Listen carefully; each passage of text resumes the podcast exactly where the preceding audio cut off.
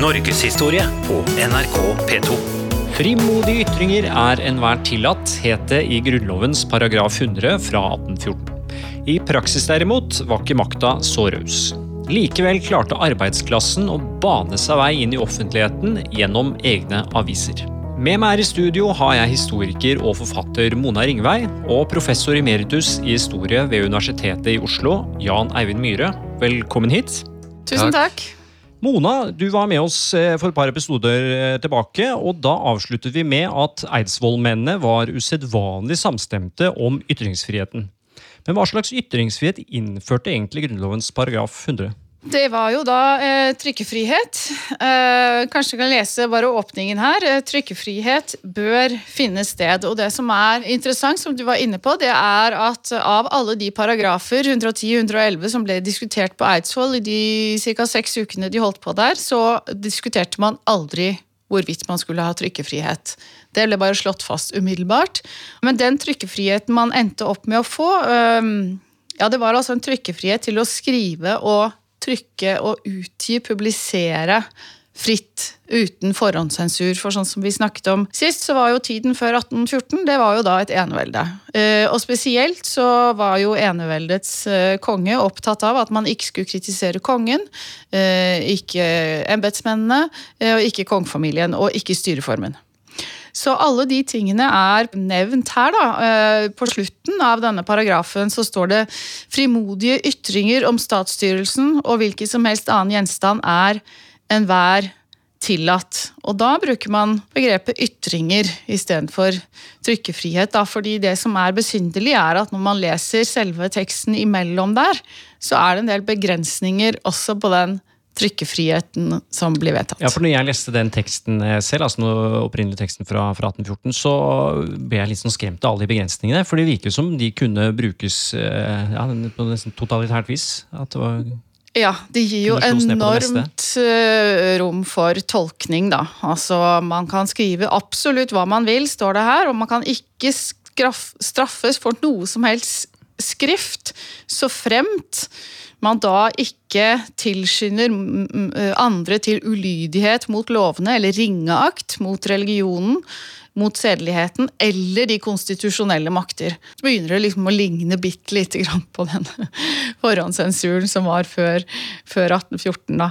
Mm, men det den primært gjorde, var å oppheve forhåndssensuren, men det var fortsatt sånn da, det skal vi jo se mer av etter hvert her kanskje, men det var fortsatt sånn at en slags etterpåsensur, det kvitter seg ikke med? Altså, Det er jo en uh, trykkefrihetslov som på en måte uh, åpner opp, samtidig som man uh, krever en ganske stor grad av ydmykhet og forsiktighet og ja, kanskje aldri så lite snev av selvsensur når det gjelder det å ytre seg politisk, da selv man skal legge merke til at den er veldig politisk orientert.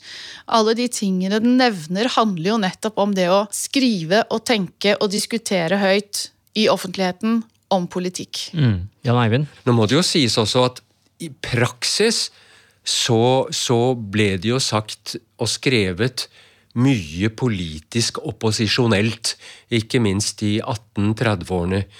Uh, eh, uten at det ble slått veldig ned på.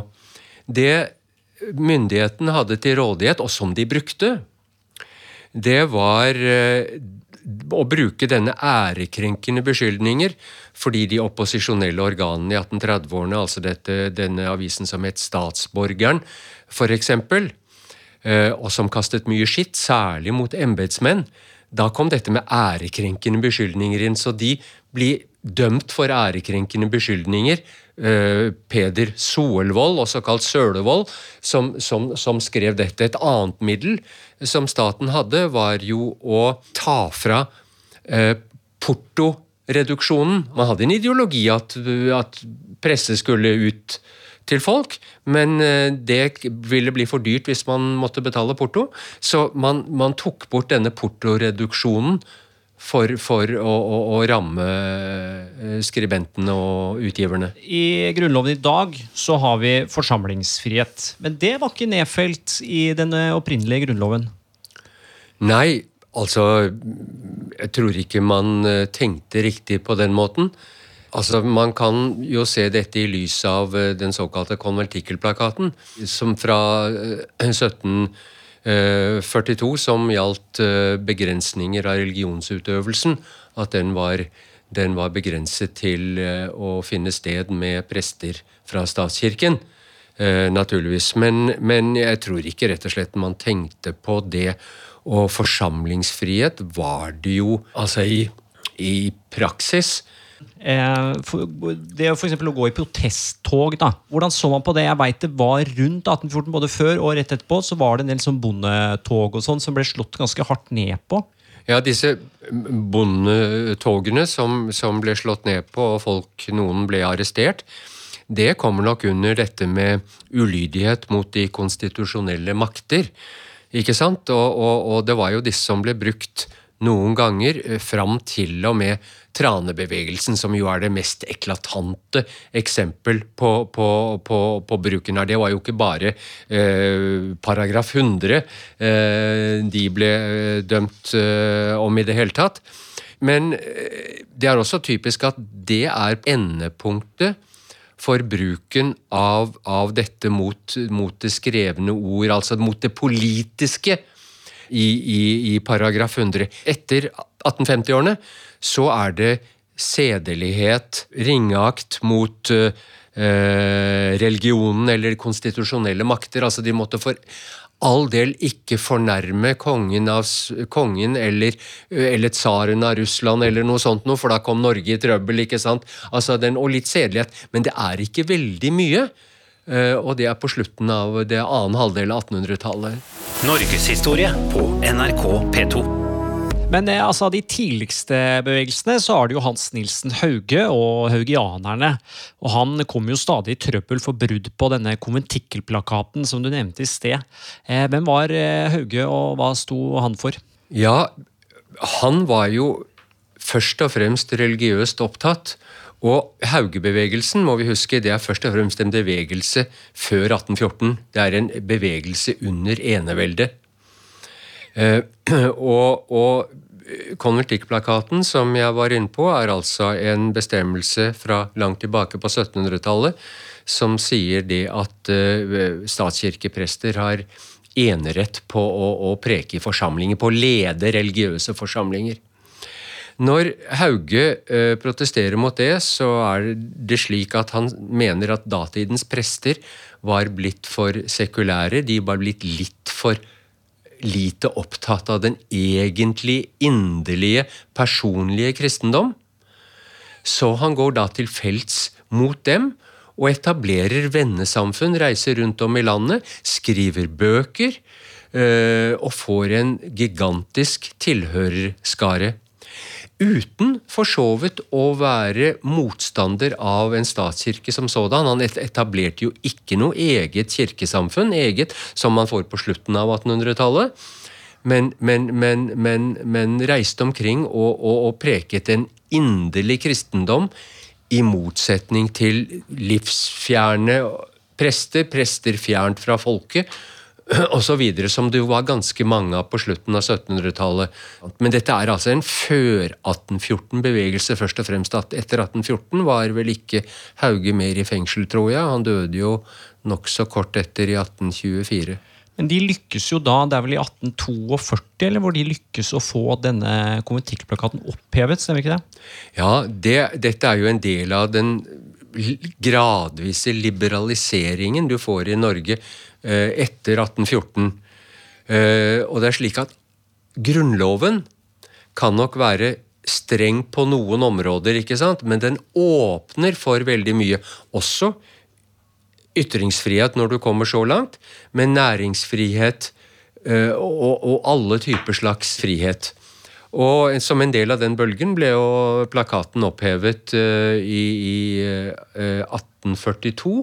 Eh, i en bølge av religionsliberalisme som eh, også eh, Hvor også dissenterloven av 1845 hørte. Hvor man kunne etablere menigheter også utenfor lutherdommen. Katolikker, baptister, metodister, hva det nå er. Og til slutt da til opphevelsen av jødeparagrafen i 1851. Ja, Religiøse møter og religiøse dissentere de eh, ble tillatt fra 1840 av, men hvordan var det på det politiske plan? Eh, og Mona, du har jo skrevet bok om eh, ja, kanskje den viktigste politiske bevegelsen på 1800-tallet, nemlig Markus Trane, som vi har nevnt her allerede. Hvem var Markus Trane, og hva sto han for? Altså Markus Trane han startet i 1848 uh, arbeiderforeninger. Um, og disse arbeiderforeningene de var ment å uh, myndiggjøre uh, de eiendomsløse til å tilta seg større makt i, i Norge. Fordi Markus Trane mente at Grunnloven lovet en demokratisk forfatning som ikke var virkeliggjort. Eh, og faktisk så så han to, eh, to elementer i Grunnloven til støtte for dette. Og det ene argumentet har jeg vært inne på, og det er ikke helt gyldig, for han mente at Grunnloven sikret forsamlingsfrihet. Hvilket jo ikke egentlig står i Grunnloven. Men eh, den andre tingen, der var han på trygg grunn, eller in the end så skulle det vise seg at det ikke var så trygg grunn, men prinsipielt, eh, og det var ytringsfrihet. Eh, han mente at ytringsfriheten var en demokratisk frihet, en frihet til å snakke politikk, til å rådgi politikere, til å la de som har skoen eh, på, forteller hvor det trykker. Og i og med at embetsmennene eh, okkuperte hele politiske systemet, eh, og de eiendomsløse ikke hadde noen plass der, ikke ved stemmerett, og så mente han jo også at deres ytringsfrihet, som egentlig var grunnlovsfestet, i praksis ikke ble fulgt opp, fordi hvis vanlige folk skrev inn til de avisene som fantes, så ble de som, som regel refusert. Da hevdet Markus Trane og en del av de som etter hvert skrev i hans avis, Arbeiderforeningenes Blad. Ja, Han eh, oppretta vel egen avis sammen med kona si Josefine. Eh, hvorfor tok de seg dette bryet? Var det det at eh, de ikke ble hørt i mainstream media som var problemet? Ja, de mente at de ikke ble hørt. Det var jo en tid hvor det hadde vært altså 1840-tallet hadde vært en del dårlige år. Så vært litt økning i sult og nød tvangsauksjoner, eh, fattige husmenn som blir kastet ut fra brukene sine. Og det var jo spesielt husmennene egentlig arbeiderforeningene var opptatt av, fordi de var eiendomsløse og per definisjon ikke hadde noen politisk stemmerett, men uh, de var også umyndiggjort ved det at de hadde veldig lite de skulle ha sagt overfor den bonden som uh, brukte deres arbeidskraft. Det at de f.eks. kunne kastes ut på dagen. Så det var triste og traurige historier som ble fortalt over hele landet om hvordan husmenn systematisk ble uh, dårlig behandlet, og de hadde på en måte ingen steder å gå med sin klage, sin livserfaring, sine uh, synspunkter. Dette var jo også et opplysningsprosjekt. Fordi Markus Strane var veldig opptatt av at det langsiktige målet til arbeiderforeningene det var å, å jobbe for allmenn stemmerett for menn. Han var ikke så opptatt av eh, stemmerett for kvinner. Hvis kvinner ville ha stemmerett, så, fikk de jobbe for det sjøl. Det fikk kona ta seg? Ja, ja da ja. får de for all del. Uh, men det var ikke det de holdt på med. De ønsket allmenn stemmerett for menn på sikt. Men uh, Markus Strand var også veldig opptatt av at for å kunne ha stemmerett, så måtte du også være opplyst. Han var veldig opptatt av at arbeiderklassen, eller husmannsklassen, de måtte danne seg selv til borgere. Og derfor så var jo veldig mye også av ja, det var opplysningsvirksomhet i bladet, ved at man f.eks. skrev om skrev om historiske emner, politiske emner, om lovene osv. Men i tillegg så opprettet man jo alle disse små foreningene som drev med praktisk arbeid, hvor man leste aviser høyt. Eh, om man hadde lesesirkler osv. Så, videre. så det var et uh, opplysningsprosjekt hvor man måtte danne seg selv til borger. fordi man kunne ikke bare håpe på å få en stemmerett og ikke gidde å følge med på politikk. Norgeshistorie på NRK P2. Arbeidsklassen som ytrer seg.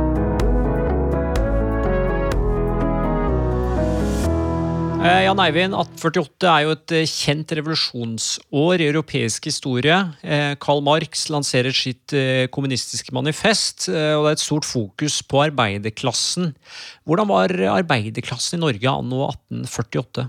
Ja, Man snakket for det ene om, om, arbeidsklassen, og ikke arbeiderklassen, som er et senere uttrykk og som knytter seg til den organiserte arbeiderbevegelsen. Men nei, det, jeg tror det beste uttrykket øh, for det er å si at det er de eiendomsløse. Det er eiendomsløse på by og land. Ikke sant? Det er husmenn og lignende grupper på landet og, og, og, arbeidere i byene. Var det ikke så mange industriarbeidere på 1840-årene. De var så vidt begynt å komme.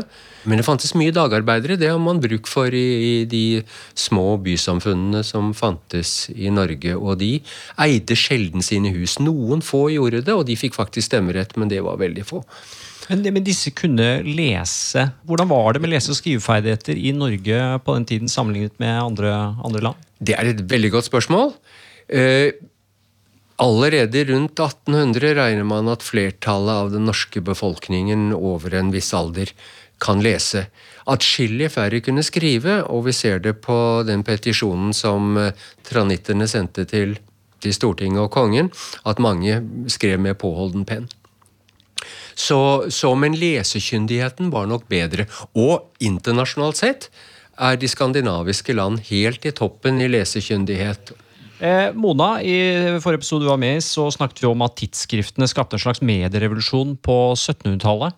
Eh, hva vil du si avisenes rolle var på 1800-tallet til sammenligning? Eh, ja, nei, de hadde jo en uh, tidvis, uh, syns jeg, en imponerende politisk rolle. Altså egentlig ganske demokratiserende, til tross for at liksom, styreformen ikke ennå var demokratisk. Og det var jo fordi de publiserte forhandlingene i Stortinget. Slik at man hele tiden fulgte hva som skjedde i Stortinget via en rekke aviser. Det er noe jeg har vært litt fascinert av. Fordi det, det innebærer at man oppfatter avismediet som noe som skal følge på det politiske eh, ordskiftet. De første årene etter 1814 er det jo få aviser og veldig begrenset opplag. Og så skjer det, så øker det gradvis utover i århundret.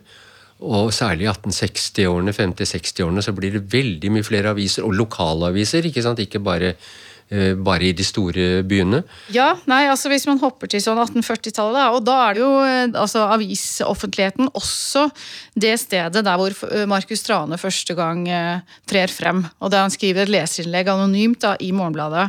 Og det som er eh, interessant med det, er at Uh, avisene er på den tiden uh, utrolig diskusjonsforum med kjempehøy temperatur.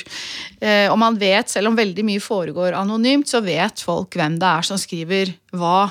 Så det en liten gruppe skribenter som er veldig dominerende. Samtidig som denne avisen, samt de andre avisene som kommer ut på samme tid, distribueres jo rundt omkring i landet, slik at dette som skjer i Kristiania også i Drammen, ut i Steovis og andre byer, eh, blir lest rundt omkring.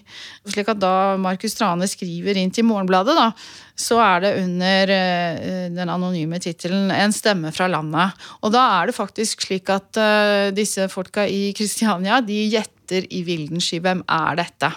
For da tror de at det må jo være en av liksom, the usual suspects, men det er det altså ikke. Det er en ny stemme faktisk fra landet. Så det er lang tid før de, før de skjønner Og han sitter jo da på Modum og skriver dette her og tar imot avisen og sånn.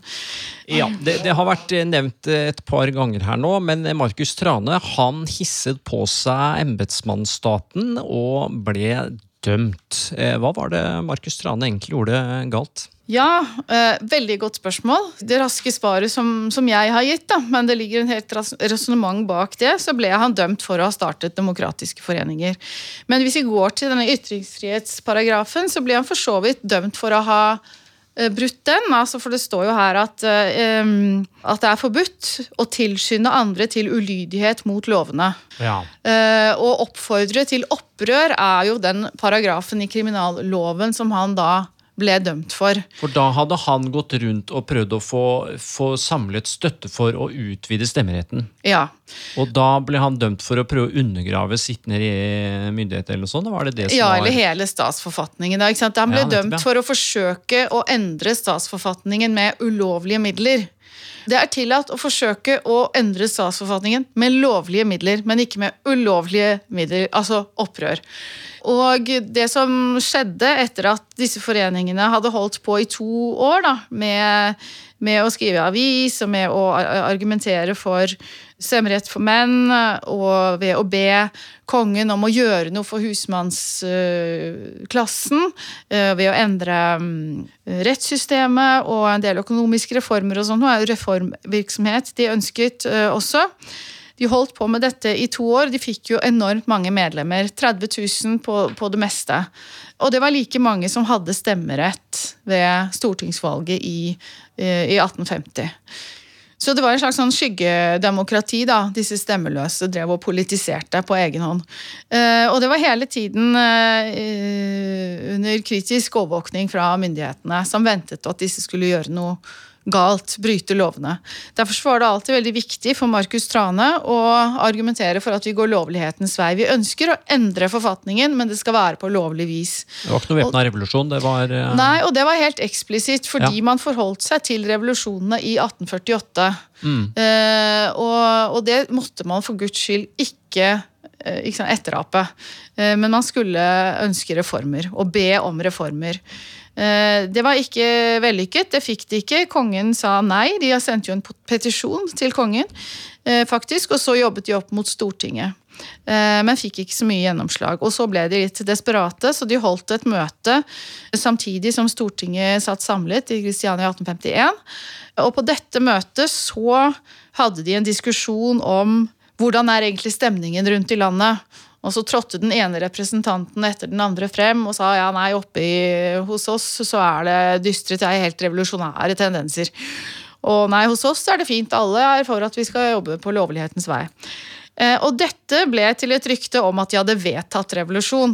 Og hvis du har vedtatt revolusjon, så har du vedtatt å endre statsforfatningen med ulovlige midler. Men han, eh, for dette havner han eh, altså i fengsel? Ja, han eh, satt i varetekt i fire år. Så ble han dømt eh, til åtte års fengsel, og han da sonet i sju da, fordi han eh, satt litt på det nye botsfengselet, hvor man fikk kortet ned.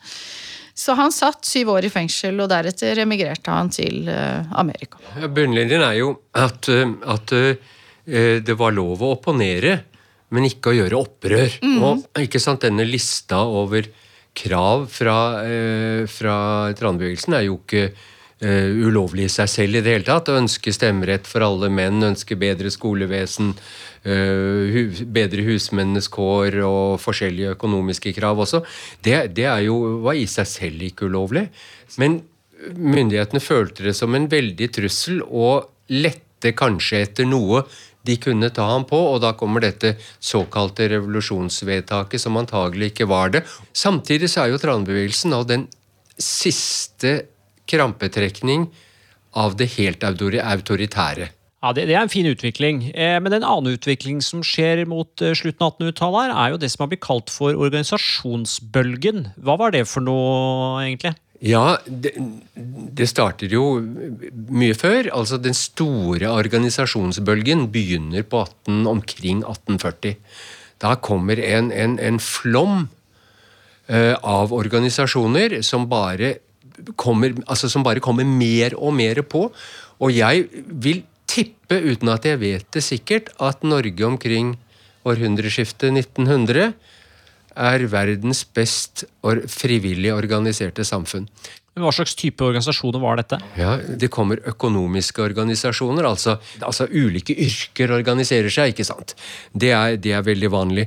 Eh, så er det målbevegelsen, eh, avholdsbevegelsen og lekmannkristendommen, misjonen blant annet, som er, som er de erketypiske motkulturelle eh, fenomener. Men også, også sport kommer jo etter hvert. ikke sant? Musikkforeninger. altså på alle livets områder. De som kommer sist, med unntak av Trane, er jo politiske foreninger. Nå var Trane mer enn en politisk forening. De drev jo masse med kultur og, og sånne ting. Og den organiserte arbeiderbevegelse kommer jo ellers mye seinere. men er jo en del av den store organisasjonsbevegelsen.